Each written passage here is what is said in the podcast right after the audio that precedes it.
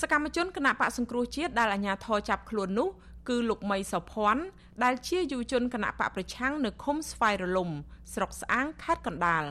ក្រោយពេលចាប់ខ្លួនតុលាការខេត្តកណ្ដាលបានចោទប្រកាន់សកម្មជនរូបនេះពីបទញុះញង់និងប្រព្រឹត្តបទឧក្រិដ្ឋជាអាតប្រពន្ធលោកមីសុភ័ណ្ឌគឺលោកស្រីអ៊ីនហួតប្រាប់អាស៊ីសេរីថាប៉ូលីសស្រុកស្អាងបានចាប់ប្តីលោកស្រី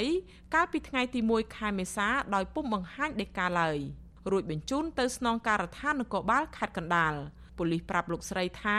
ការចាប់ខ្លួននេះដោយសារប្តីលោកស្រីបង្ហោះសាររឿងនយោបាយជេរប្រមាថថ្នាក់ដឹកនាំរដ្ឋាភិបាល និងរឿងវាក់សាំងនៅលើគណនី Facebook ស្ត្រីវ័យ32ឆ្នាំរូបនេះចាត់ទុកថាការចាប់ខ្លួននិងឃុំខ្លួនប្តីលោកស្រីនៅពេលនេះថាជារឿងអយុត្តិធម៌និងស្នើឲ្យអាជ្ញាធរដោះលែងប្តីមកវិញ ខ្ញុំសនំពើឲ្យពីរដ្ឋាភិបាលហើយនឹងអ្នកធំធំជួយដោះស្រាយបញ្ហាប្តីខ្ញុំផងពួកអីគាត់អត់មានខុសទេសូមជួយឲ្យប្តីខ្ញុំដោះលែងប្តីខ្ញុំចេញមកវិញផងដោយយុត្តិធម៌ឲ្យក្រុមគ្រួសារខ្ញុំផងហើយនឹងសូមឲ្យគាត់ចាប់បានចេញមកវិញជួបជុំគ្រួសារតែប៉ុណ្្នឹងទេ មួយរយៈចុងក្រោយនេះលោកមីសុភ័ណ្ឌបានបង្ហោះសារជាបន្តបន្ទាប់នៅលើ Facebook របស់ខ្លួនដោយរិះគន់ទៅលើភាពអយុត្តិធម៌នៅក្នុងសង្គមបញ្ហាជំងឺ Covid-19 ការបាញ់បង្ក្រាបរបស់អាជ្ញាធរទៅលើក្រុមកម្មករនៅផ្លូវវែងស្រេងការបំបិតសិទ្ធិសេរីភាពពលរដ្ឋនិងមរណភាពរបស់អ្នកស្រីសុយសុផាន ដែលមានទំនាស់ដីធ្លីច្រើនជាមួយប្រជាពលរដ្ឋអាស៊ីសេរីមិនអាចតាក់ទងស្នងការប៉ូលីសខេត្តកណ្ដាលលោកឈឿនសុចិត្ត ដើម្បីសាកសួរព័ត៌មានអំពីការចាប់ខ្លួននេះបានទេ នៅថ្ងៃទី3ខែមេសាប៉ុន្តែអ្នកនាំពាក្យតុលាការខេត្តកណ្ដាលលោកសូសារិន បញ្ជាក់ប្រាប់អាស៊ីសេរីយ៉ាងខ្លីថា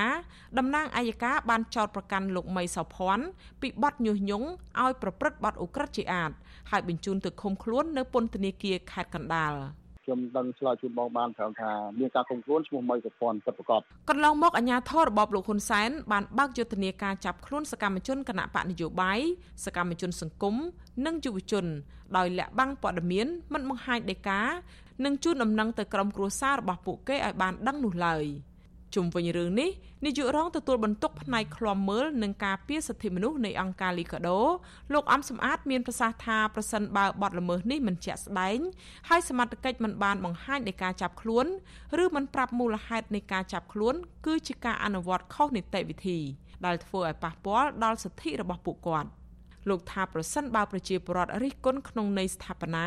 ហើយត្រូវបានអាជ្ញាធរចាប់ខ្លួន គឺបង្ហាញថាប្រទេសនោះមិនគោរពច្បាប់ មន្ត្រីសង្គមស៊ីវិលរូបនេះបន្ថែមថានៅក្នុងកលតិស័កដែលប្រជាពលរដ្ឋមិនទាន់យល់និងមិនទាន់ទទួលបានព័ត៌មានច្បាស់លាស់អាជ្ញាធរត្រូវផ្ដល់ព័ត៌មានឲ្យបានគ្រប់គ្រាន់ទៅភាគីពាក់ព័ន្ធដើម្បីកុំឲ្យពួកគាត់បញ្ចេញមតិខុសទៀតប្រសើរជាជាងការចាប់ឬបង្ក្រាបទៅលើការបញ្ចេញមតិទាំងនោះហើយខ្ញុំគិតថាក្នុងកលតិស័កដែលប្រជាពលរដ្ឋមិនទាន់យល់គ្រប់គ្រាន់ពីព័ត៌មាន ចាំបាច់ហ្នឹងអ្វីដែលជារឿងសំខាន់គឺការផ្ដល់ព័ត៌មានឲ្យបានគ្រប់គ្រាន់ពីអាជ្ញាធរដែលពាក់ព័ន្ធនេះវារឿងសំខាន់ព្រោះបើសិនជាយើងយល់ឲ្យគ្រប់គ្រាន់ពីពួកគាត់ទៅខ្ញុំគិតថាការបញ្ចេញមតិរបស់គាត់អាចនឹងត្រឹមត្រូវហើយបើសិនជានេះយើងអាចនឹងចេញជាព័ត៌មានដើម្បីបញ្យលឲ្យពលរដ្ឋបានយល់វិញដើម្បីកុំឲ្យគាត់ចេញមតិខុសតទៅទៀតណា ចាប់តាំងពីឆ្នាំ2020ដល់ខែមេសា មានសកម្មជននយោបាយសកម្មជនបរិស្ថាន សកម្មជនសង្គមព្រះសង្ឃខ្មែរថាវរៈនិងយុវជនជិត100នាក់ហើយដែលត្រូវបានអាជ្ញាធររបបក្រុងភ្នំពេញចាប់ខ្លួនដាក់ពន្ធនាគារជាបន្តបន្ទាប់ដោយសារការអនុវត្តសិទ្ធិសេរីភាពនៅក្នុងសង្គមនិងតាមបណ្ដាញអ៊ីនធឺណិតតុលាការបានចោទប្រកាន់ពួកគេពីបទរួមគំនិតក្បត់ញុះញង់និងបទប្រមាថថ្នាក់ដឹកនាំជាដើម។ អ្នកតាមដានស្ថានភាពយល់ថាការចាប់ខ្លួនពលរដ្ឋពិសេសសកម្មជននយោបាយបកប្រឆាំងជាបន្តបន្ទាប់នេះគឺជាការធ្វើទុកបុកម្នេញផ្នែកនយោបាយដើម្បីកំទេចសម្លេងប្រឆាំងដែលនៅសេសសល់ចុងក្រោយរបស់គណៈបកសង្គ្រោះជាតិឲ្យអស់ពីកម្ពុជាចា៎នាងខ្ញុំខែសុណងអាស៊ីសេរីរាយការណ៍ពីរដ្ឋធានី Washington